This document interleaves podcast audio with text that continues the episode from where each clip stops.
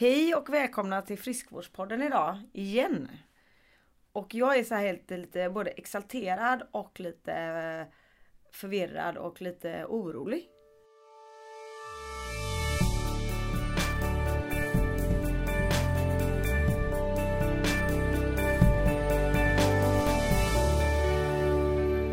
För igår fick jag en eh, rapport till mig som ICA har eh, tagit fram och det är en analytiker på ICA som heter Ann-Katrin Totti. Hon är framtidsanalytiker på ICA och jag ska bara läsa som inledning lite grann här.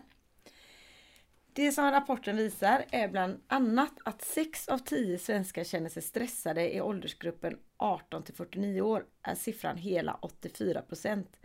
Fler kvinnor än män känner sig stressade. 68 respektive 53 procent.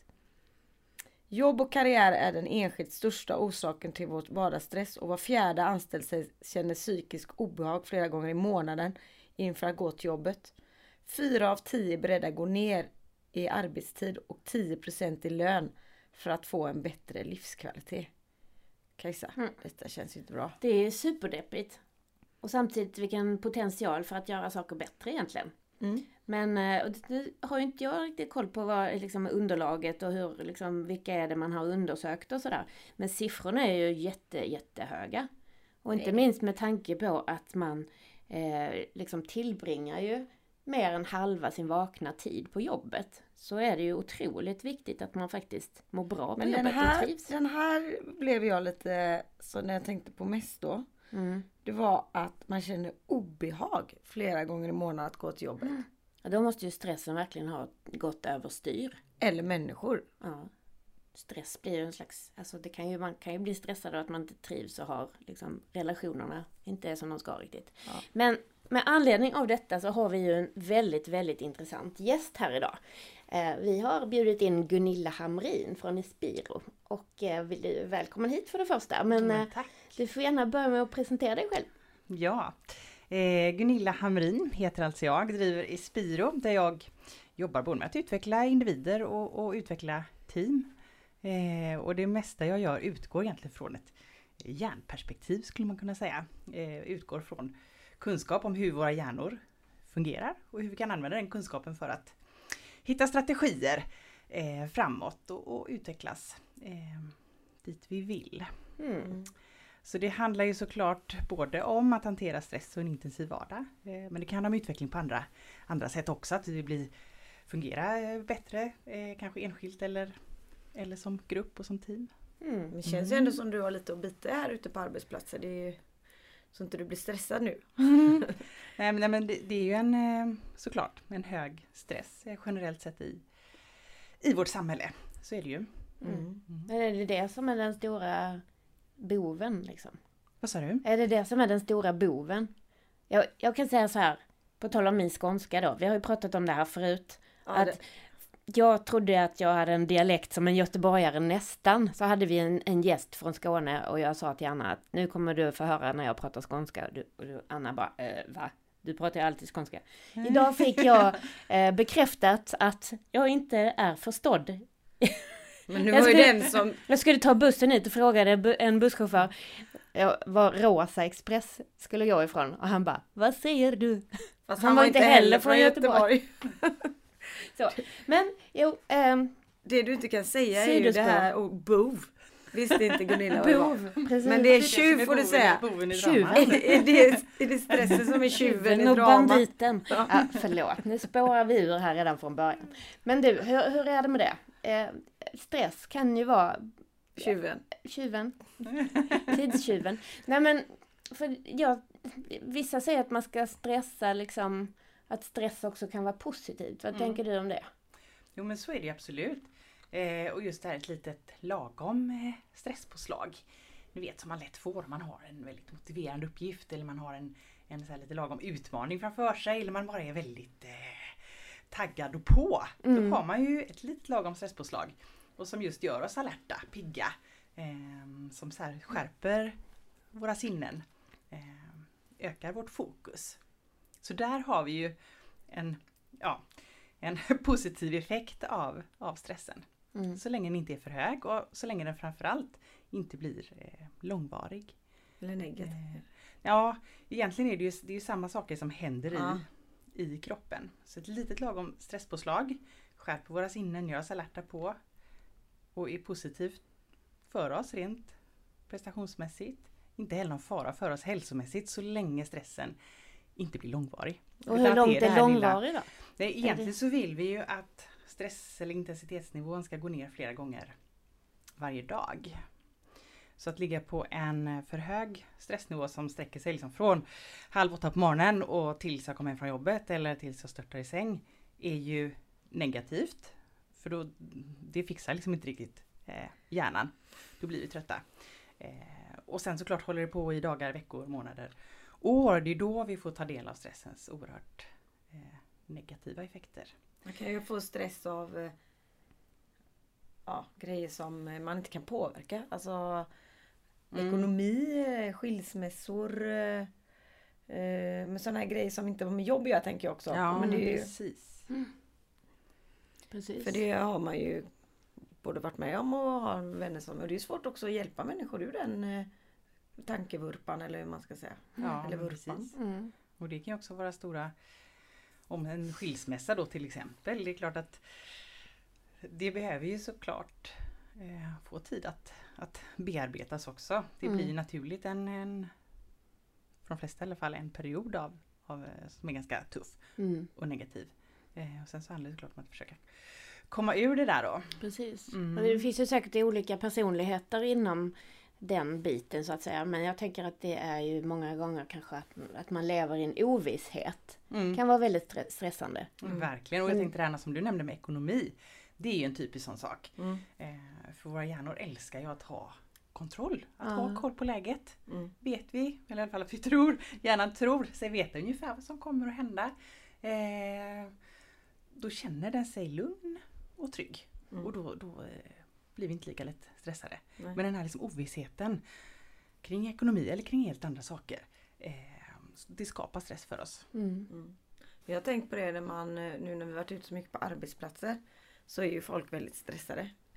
Och jag har ju en egen teori och den är ju inte forskningsbaserad och den är ju inte någonting som jag, bara en känsla. Och det är väl att eh, när medarbetare inte vet exakt vad chefen vill eller chefen inte vet vad ledningsgruppen vill eller ledningsgruppen inte vet vem styrelsen vill. Mm. Det är då det liksom bara blir kaos. Ja, Mm. men precis. Och att man inte har en plan Nej. en plan liksom. Om, Nej. så länge man har en plan och att den ändras lite grann, det gör det alltid. Men att den är, och att man vet vilka projekt som man ska satsa på och inte. Har man fem grejer så kanske man känn, får känna efter lite. Men av fem kanske två.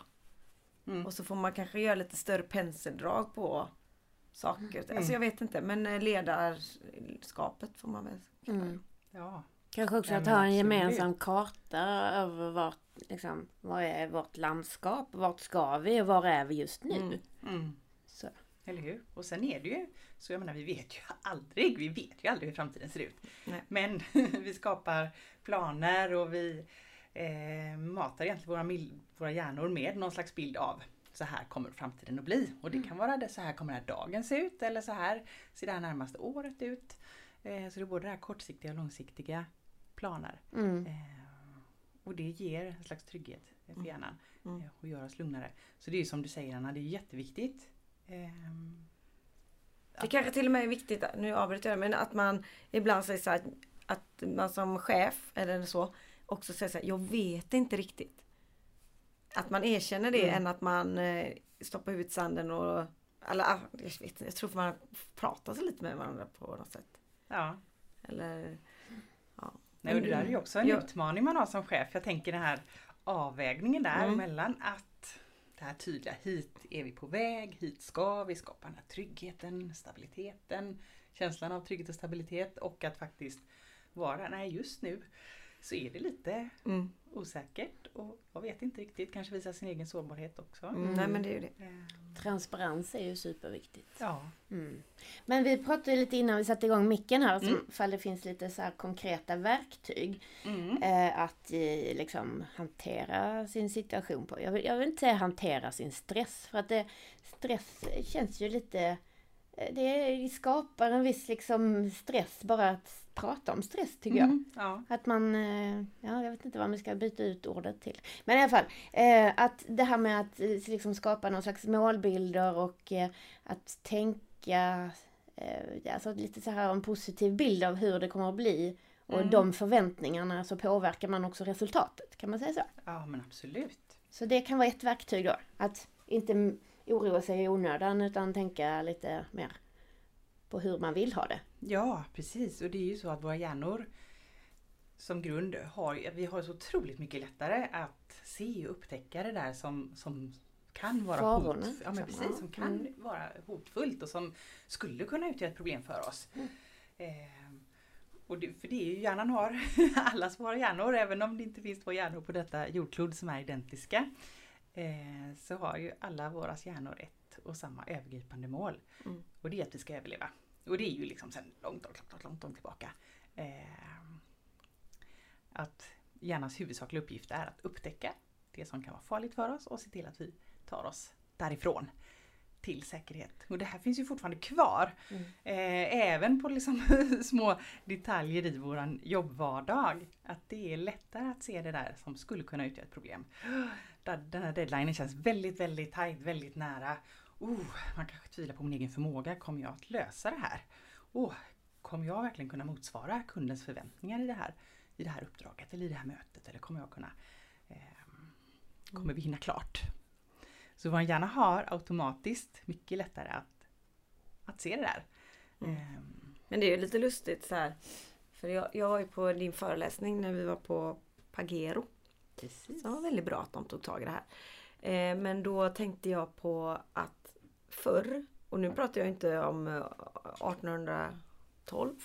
Utan bara för tio år sedan. Mm. Eller jag vet inte ens om det var så länge sedan. Men då kunde man ju sitta och vänta ibland. Alltså jag satt Mm. och väntade på en bänk eh, vid en buss, på en buss. eh, Eller jag stod i en korsning och väntade på er för ni skulle komma och möta upp mig. Eller hur? Och man bara stod kanske och tittade rakt ut i luften och så här, eller, Men nu tar man ju alltid upp sin telefon och så bara Så hjärnan får ju Så tänkte jag att man ska bli bättre på bara Titta ut i luften. Bara vara. Ja, och det Verkligen. var ju inte så många minuter du pratade om. Det var typ en kvart om dagen. Alltså jag, eller, det, eller kanske inte var du som sa det. kanske var någon annanstans jag läste.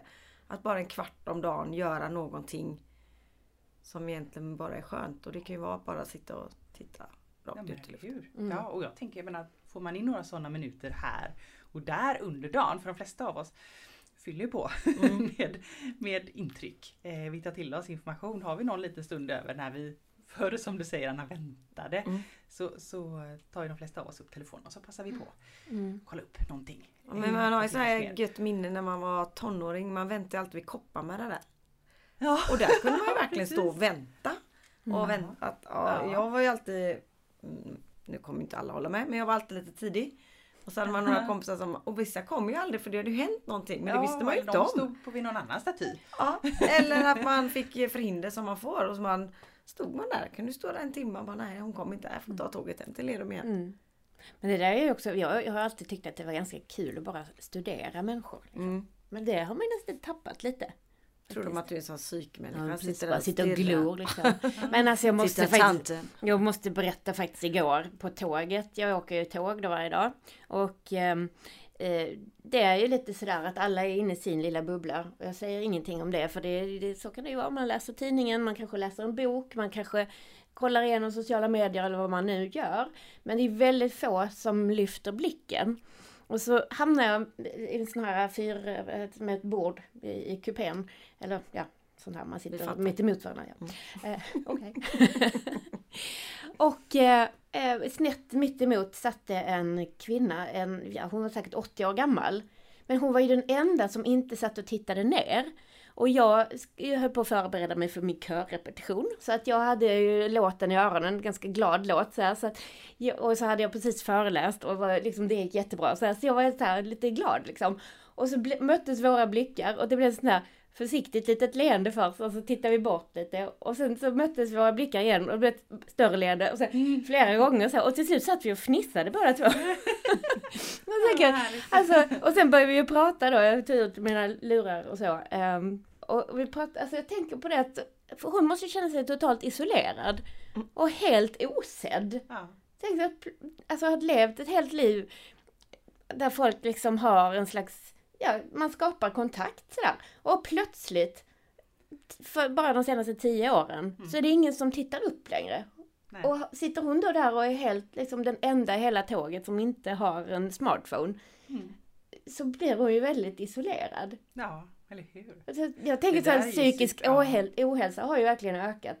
Och jag tror det har ganska mycket att göra med att man Mm. inte ser varandra. Och är man ensam och inte har liksom någon nära krets Mm. som man träffar varje dag, så träffar man ju inte folk. Nej. Man behöver inte ens prata med någon i mataffären. Nej. För det gör, man sköter det via eh, scanners och sådär. Så det är, så man är ju verkligen, man kan ju bara gå in i sin lilla isolerade värld om man liksom inte tvingas ut. Nej, och jag tror ju också, det där är ju superintressant som du säger Kajsa. Och jag tänker att även om vi, liksom, om man har sina vänner, om man har nära relationer, så tror jag ju ändå att vi alla får min, vi har ju mindre ögonkontakt. Och på något sätt är man, man får ögonkontakt med någon, något litet, det kan räcka med något litet leende eller, eller bara att vi, vi liksom ser varandra, ger någon slags bekräftelse. Mm. Eh, Man speglar varandra och liksom ett litet leende eller en liten ögonkontakt. hur? lite bekräfta att jag gillar dig. Och så Ja. får man tillbaka det. Alltså det blir... Det skulle vara Ja. intressant att se någon, eh, har ni hört någon studie som kollar på just det där hur mycket interaktion eller eh, kontakt vi Nej men hade eh, för de har ju slutat ha telefon. eh, Jag vet inte hur det är i andra skolor men Kullaviksskolans rektor bestämde att de inte fick ha telefoner. De lämnar in dem även om Mm. man går i nian. Mm. Och de umgås ju mer. Och de spelar kort. Mm. Och de måste ju prata med varandra på rasterna. Mm. Och det blir liksom, stämningen har blivit bättre. Så han, Mm. Olle i nian, har jag ingen aning men han, men jag tror faktiskt, alltså han har ju inte sagt något negativt och det betyder väl att det är helt okej. Och att det funkar. Mm. Men att man umgås med och pratar med varandra. Mm. För Ja, det förut satt man de väl och spelade sådana här spel och snappa och jag vet inte vad de gjorde. Nej. Nej, den är ju Men det är ju ganska självklart. Det är ju skittråkigt när man är någonstans. Mm. Och alla kollar sina telefoner. Alltså jag har ju... Jag är nog den som är... Nu låter det så gissing, men jag tycker jag gillar ju att prata.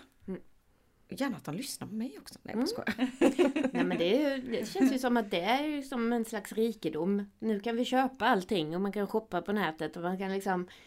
Äh, jag vet inte. Det är social... Eh, alltså om man tänker sig social status så är det ju inte att köpa de finaste grejerna utan det är ju faktiskt att ha tid liksom. Men jag tänker också på det här social kompetens bygger man väl upp kanske genom att prata.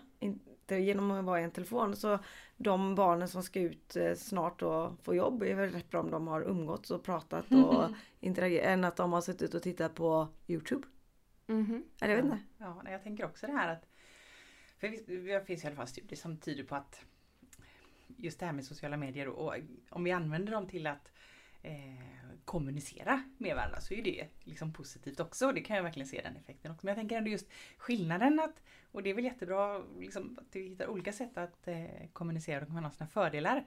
Men våra hjärnor läser så otroligt mycket av, de läser av eh, ansiktsuttryck så otroligt eh, väl och tydligt Mm. och grundläggande. Så jag tänker, herregud, jag som rör mig så mycket i ansiktet. Jag har så mycket, ja, vi har pratat om det förut. Ja, men du har väldigt levande kommunikation. Men det är väl jättepositivt tänker jag. Kajsa. Ja. Att man, det ger ju... Det, blir, det är sällan man blir bra på bild för att det är så, så. Men du ser ju inte så arg ut så det är väl det som är det bra då. Du.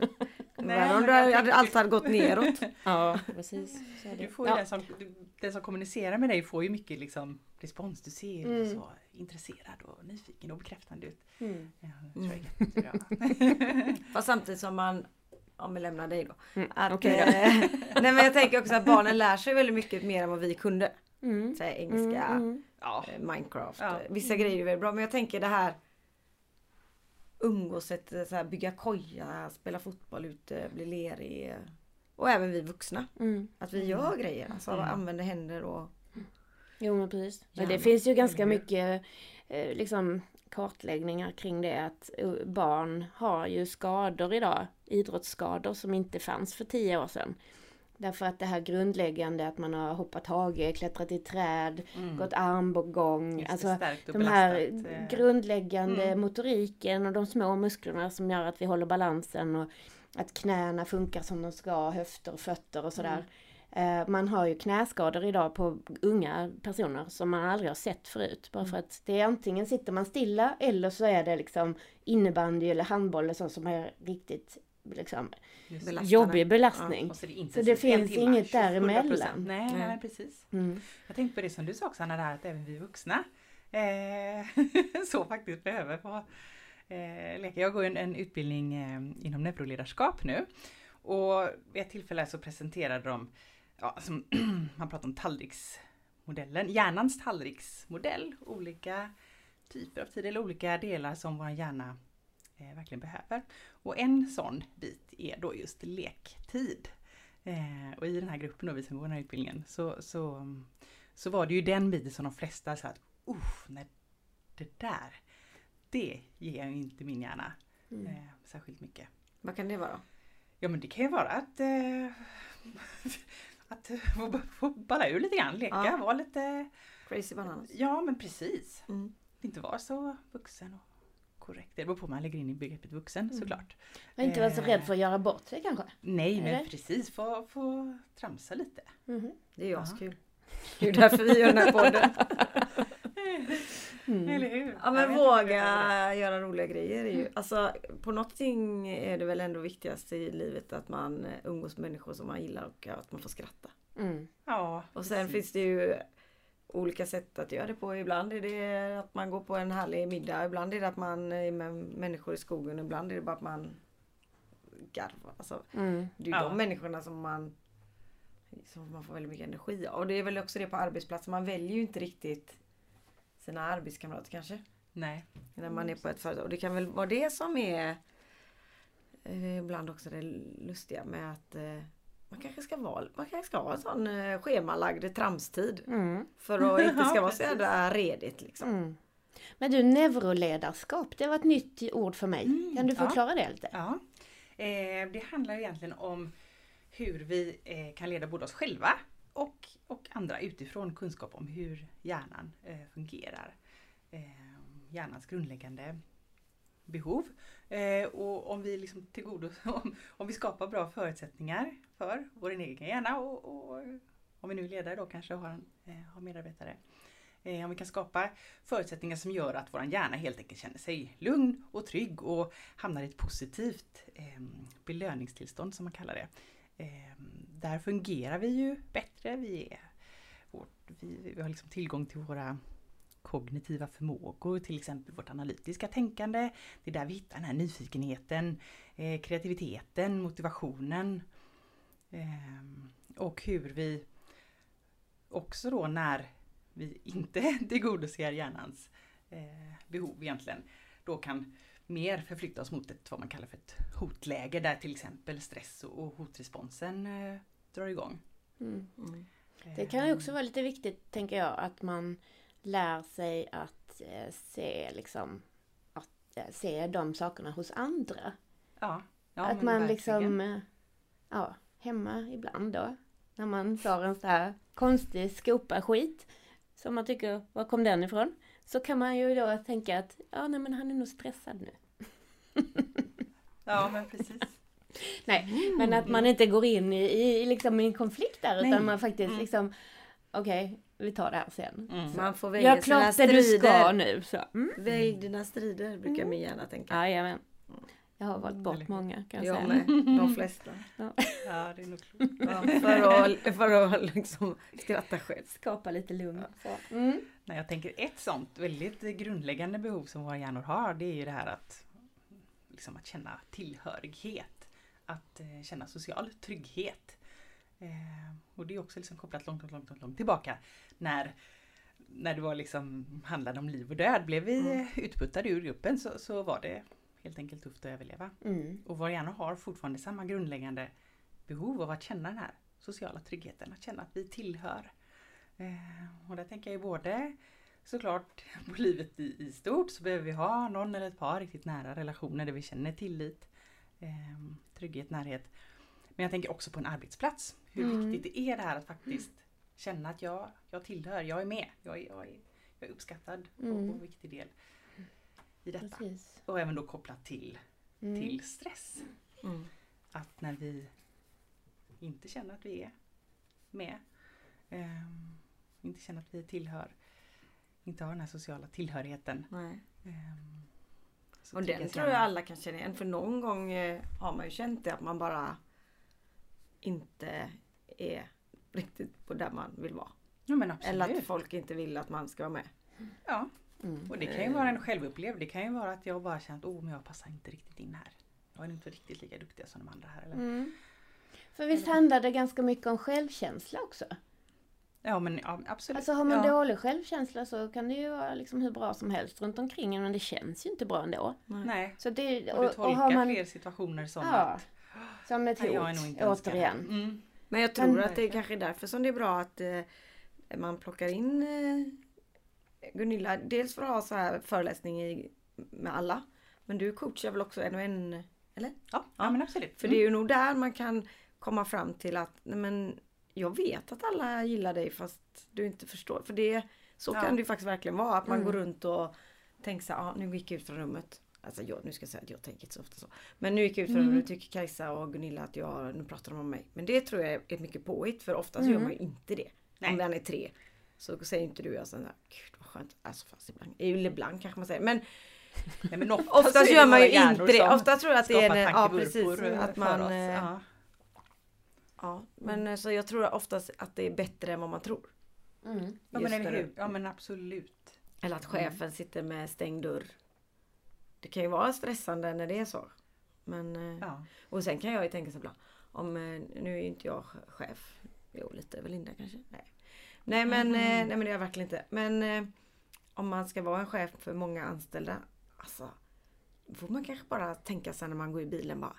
Nu jäklar ska jag bara gå in och vara så här superpositiv.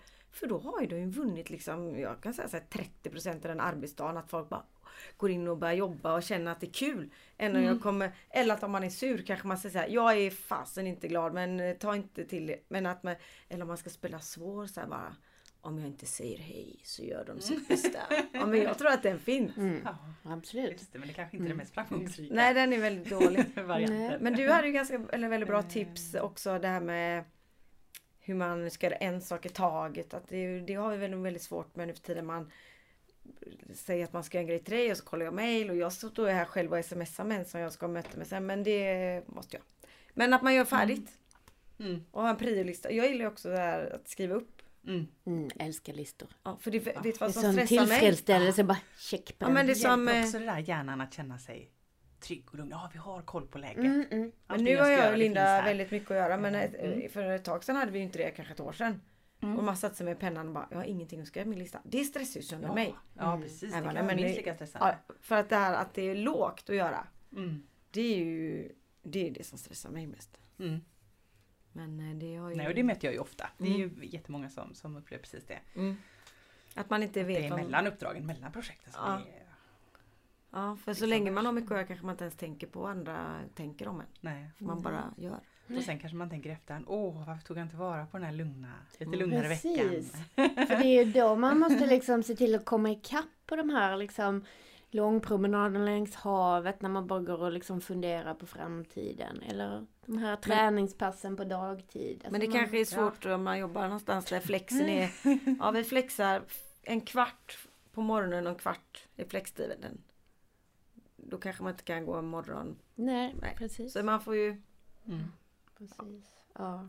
Jag hörde någon igår som hade så här... Man satte tummen mot en klocka när man kom. Mhm. Och man gick så man Mm. kunde registrera. Det känns ju svinmodernt faktiskt. Mm. Inte. Stämpelklocka. Nej. Ja. Det är modern Hjärnan stannar ju en, eh, inte liksom- Icke så modern. Särskilt, särskilt Modell. när man jobbar med sin hjärna. Det kan ju funka om man jobbar vid bandet eller på ett plocklager eller något sånt där kanske. Men när man jobbar med sin hjärna så stängs ju inte den av. Den kanske kommer på de bästa idéerna när den står och bakar bröd där hemma. Liksom. Mm. Och det är Så- inte alls säkert att den är på bara för att du sitter på ditt eh, Exakt. kontor. Ja, verkligen. Den kanske är sämre, sämre, alltså mindre aktiv när du Men sitter jag kan ju få så här om vi eh, sitter här. Bara, nej, måste gå. Eh, ibland kan det räcka att jag bara går ner till ICA så vet ju Linda att jag oftast kommer tillbaka men bara du, jag träffar någon eller jag kom på en grej eller så här gör vi. Ja. Och hon är ju likadan att hon springer och gör någonting för bara sitta och titta på henne. Vad tycker du? Vad tycker du? Vad tycker du? Mm. Det är ju inte så framåtskridande. Mm. Nej, men lite frihet och eh, möjligheter för att liksom eh, bryta mönster känner jag. Det kan också vara en slags ett sätt Ja. att öka kreativiteten. Liksom. Absolut. Men om vi ska gå Verkligen. tillbaka till så här att eh, så många människor inte trivs på jobbet. Mm. Vi måste göra någonting åt det. Ja, verkligen. Det är ju helt sjukt. Ja. Ja, det är väldigt sorgligt. Det är jättesorgligt. Ehm, Tänk man går hela livet liksom bara Ja. väntar på pensionen liksom. Mm. Jättehemskt. Och samtidigt kan man förstå, är man på ställen man inte trivs, man inte har det bra, så bryter man ner lite grann. Så det blir ju säkert svårare och svårare Mm. också att ta sig därifrån. Och säkerligen så presterar man ju inte särskilt bra heller. Man Nej. hämtar ut sin lön Mm. en gång i månaden men man åstadkommer kanske inte så mycket. Nej. Så. Och samtidigt finns det ju jättemånga personer, de flesta som jag träffar i mitt jobb, de eh, gillar ju verkligen sitt jobb. Mm. Eh, tycker att det är otroligt stimulerande och eh, får jättemycket ut av jobbet. Men det är så mycket och tempot är så högt. Kraven är höga. Inte minst från dem själva kanske. Mm. Och eh, och det, skap, det skapar ju också jättemycket stress. Mm. Och jag tänker också att de, de arbetsgivare som anlitar en person för att deras personal ska må bättre i hjärnan och bli mer kre- kreativa. De Mm. är ju medvetna på ett annat sätt. Det, Ja, det finns ju precis. alla de som inte anlitar en liksom, konsult för att ta tag i de här sakerna. De är ju inte ens så pass kunniga så att de fattar att det är viktigt. Liksom. Nej. Och då kanske det är en sån arbetsplats som man inte trivs så bra på. Kan jag tänka. Mm. Ja. Nej men människorna är inte så viktiga. Nej, exakt. Nej. Mm. Mm, nej men det är, det är så här spännande. Men du hade ju någon lista där också Anna på vad, som, Mm. Mina, vad man kunde göra kan väl- åt det här eller vad folk vad anser. folk vill eh, kunna... Vad man anser är liksom eh, eh, saker man kan minska stressen med. Svenskarnas topplista för att minska sin stress. Mer eller mindre sömn. 54% tänker jag. Mer. Nej, inte mindre, bättre sen. Ja, Mer. jag tänkte så här mer eller mindre. Ja, mer eller bättre. Jag kan inte ens läsa. Jag är så stressad. eh, men det var 54%. Träna mer var 46%. En god ekonomi 39%. Det är väl väldigt stresspåslag på det kan jag tänka mig.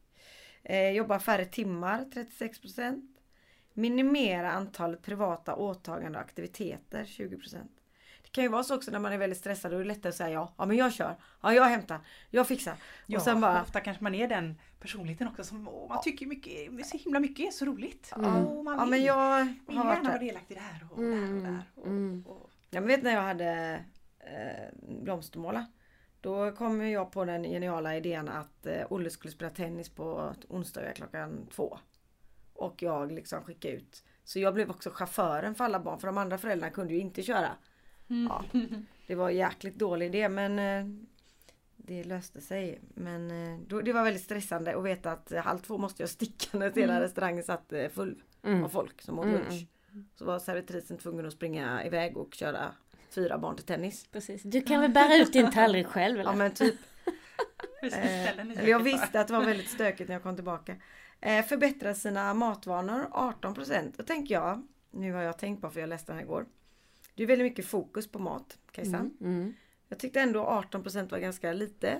Ja, i förhållande till eh, då äh, äh, sömn och träning som var liksom den, ungefär hälften tycker det. Ja. Och det är bara var femte som tycker att man ska ändra, ändra matvanorna. Men kan det också vara kopplingen just till för jag tror det är en betydligt högre siffra, tro, gissar jag, eh, som vill, vill förbättra sin kost. Men de kanske inte, nu var det ju tydlig koppling just till det för att Ja, minska stressen. Exakt. Mm. Så de kanske Mm. inte gör just Den kopplingen. Nej, den kopplingen. nej, men det är nog betydligt fler som vill förbättra sin Mm. kost på ett eller annat Mm. vis. Mm, mm. För Ja, mat påverkar ju ändå hur du mår. Mm, Ja, absolut. absolut. Och ju mer stressad du är, ju sämre mat äter man kanske. Mm, mm, absolut. Då, kan, då blir man ju lite sugen. Om man sover dåligt och stressad så blir man ändå lite godissugen. Mm. Och Ja, lite det så här är fett. eh, Mm. Jo men då, då är ju liksom kroppen ute efter den här energirika maten som Mm. ger snabba Snabb. kickar. Liksom. Du får energi. mycket fett, mycket socker för att man liksom man behöver tanka mycket Det är inte energi. morot man är Nej men precis och det hänger ju väldigt mycket ihop med dålig sömn också. Ja. För att om du inte har laddat liksom och vilat ut så att du har den typen av energi. Då blir du liksom sugen på att fylla på med kalorienergi istället Mm. för att hålla dig uppe. Eh, Men annan Så sak så här, meditation eller annan lugnare aktivitet för hjärnan. Det hade ju kanske varit eh, om man är chef och vet att det är väldigt stressigt.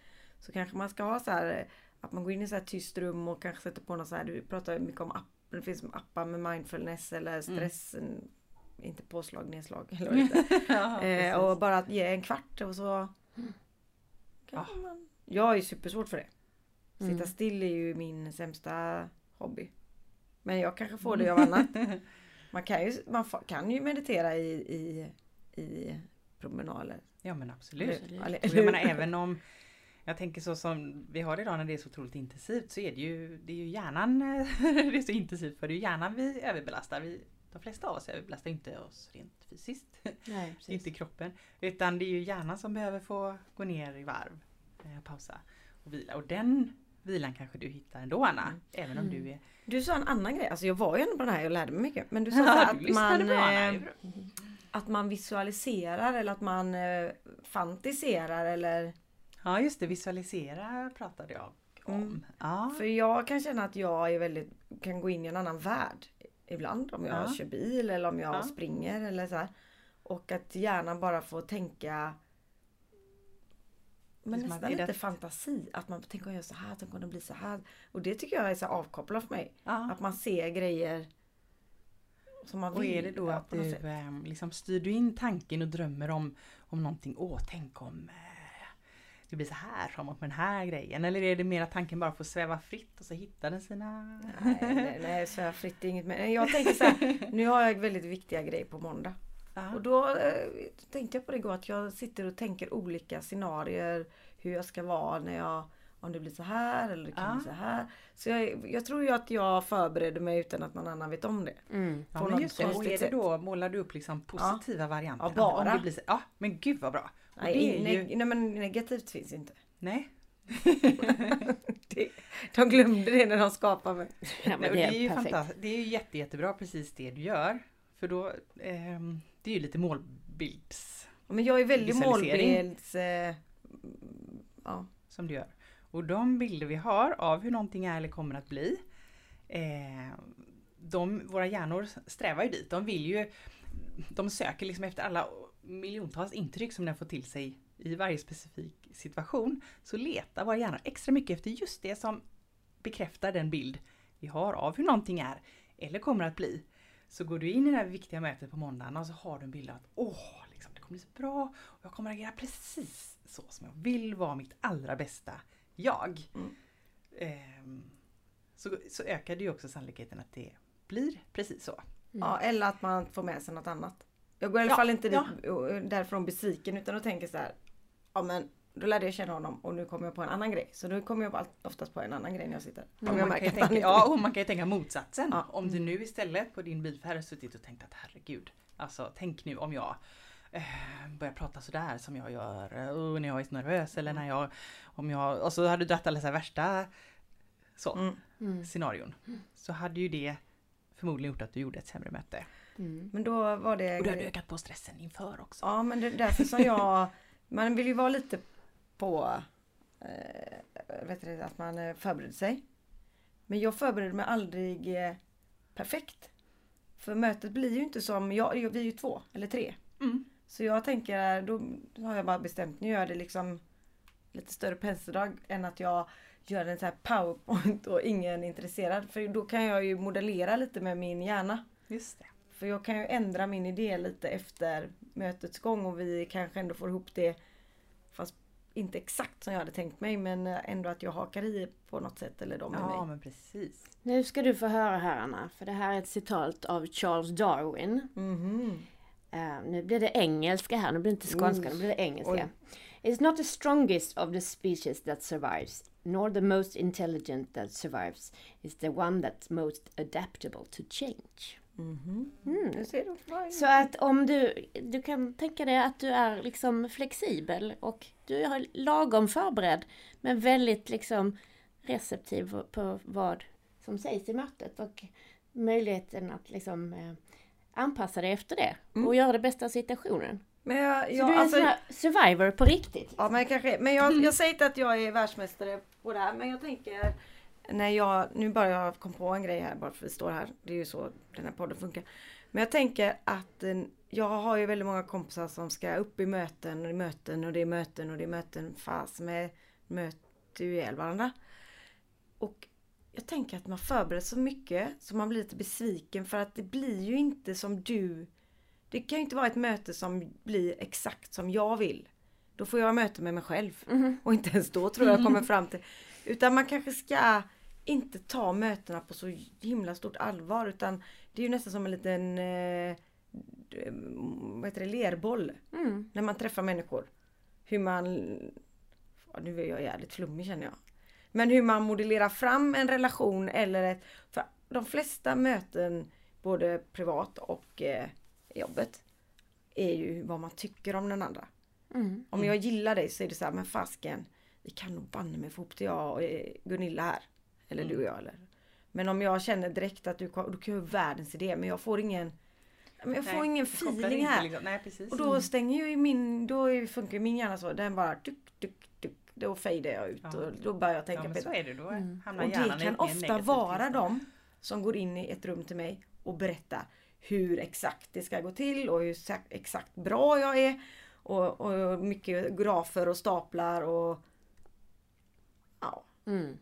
Och jag, det är ju jag men eh, jag har gått och tänkt på det att Mm. eh, Det behöver få liksom knådas och modelleras och Men växa, tror att formas under... många kan vara sådana. Mm. Men vi har kanske lite för bråttom då.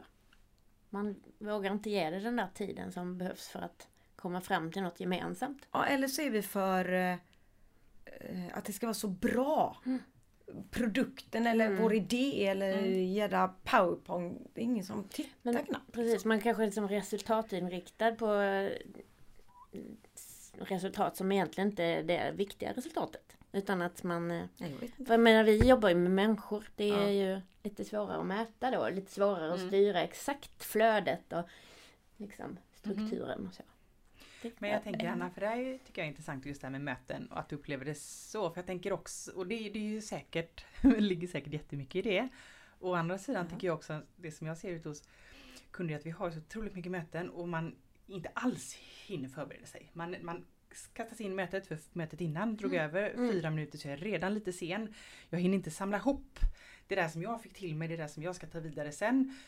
Så jag är liksom inte jag är närvarande fysiskt men jag är absolut inte närvarande eh, mentalt. Jag bara kastas in i det här. Och så kommer alla så. om jag ska överdriva. men från det- olika ja. håll. Och så, ha. Ja men det är kanske är en annan. Jag jobbar ju liksom inte på ett storbolag där jag blir inkastad på det sättet. Nej. Så, eh, då kanske det hade varit helt värdelöst. Men antagligen kanske man kan boka av vissa av de mötena. För du har inte ens, eh, behöver inte ens vara med. Nej, det är ganska För meningslöst. det är det jag kom fram till. Bara, Men varför sitter du med på ett möte när ni pratar om en bildel som är bak och du har ju hand om lyktan fram. Ja. Okej, de ska ju ihop någon gång men det kanske jag möter tio. Mm. Men precis så är det ju säkert. Ja. Att vi är med på möten där vi kanske inte skulle Ja, Jag har, ju med. ingen, jag har ju ingen lösning på detta. Jag tänker bara... Mm. Jag skulle ha en liten så här önskan på kalendrar. Att man skulle kunna ha liksom det är säg 45 minuters mötestid men Mm. du har liksom en kvart innan och en kvart efter. Lite som så här eh, isolering liksom. Just Så att där kan Ja. du inte boka in något mer. Och ingen som har liksom kan lägga in saker i din kalender kan boka där. För du måste ha den ställtiden och förberedelser eller lite efterarbete som man måste göra för att få ut någonting av mötena. Annars är de helt meningslösa. Mm. Ja, men så är det. Man kan ju tänka vad kvaliteten på många möten eh, skulle öka om alla som var där kom dit eh, och hade liksom mentalt fokus. Vad är, vad är det viktigaste vi ska, vi ska göra idag under det här mötet? Mm. Och då tänker jag att vad är det vi ska och sen låta knåda den där Mm.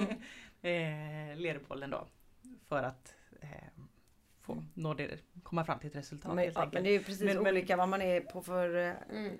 Men jag hade ju haft jättesvårt att jobba på sådana ställe eftersom jag inte hade haft... Jag hade ju aldrig haft med mig en...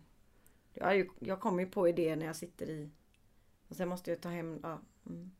ja jag vet inte. Det är ju svårt. Ja. Men att bara sitta runt ett bord och prata och sen inte någon gör det man Det har jag ju extremt svårt för. Mm. Bestämmer vi att vi gör det här, då gör vi det. Mm. Eller så ringer jag upp det och säger det går inte.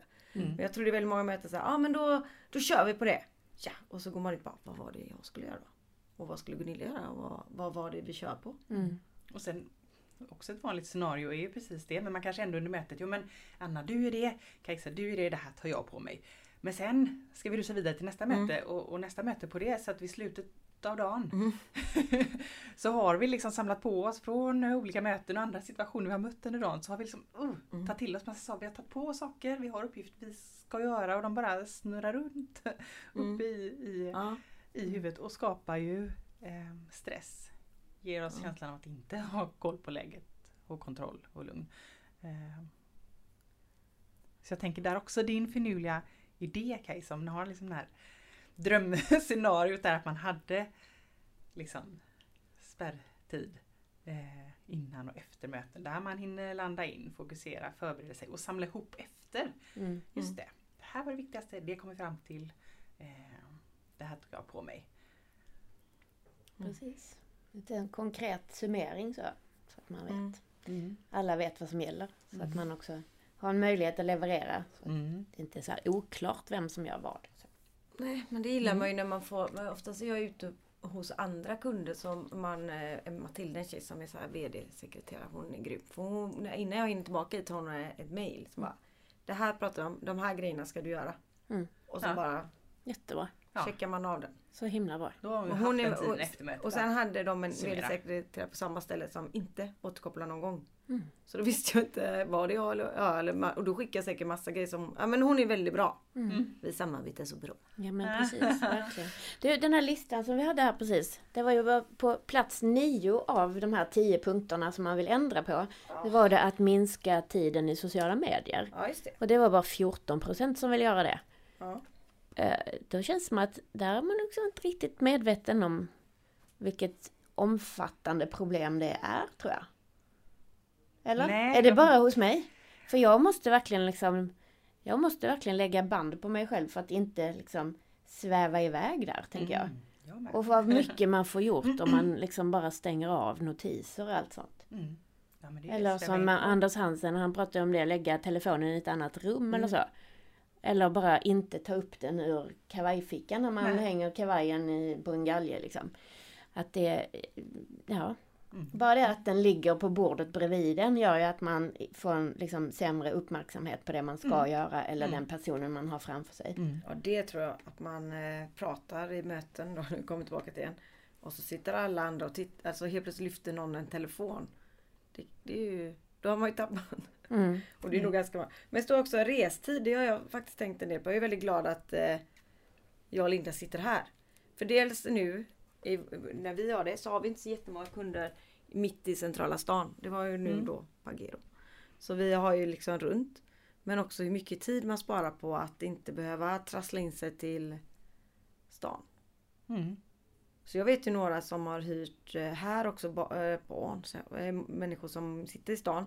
Men att de kan säga till sina kollegor att på fredag sitter jag på The House och jobbar.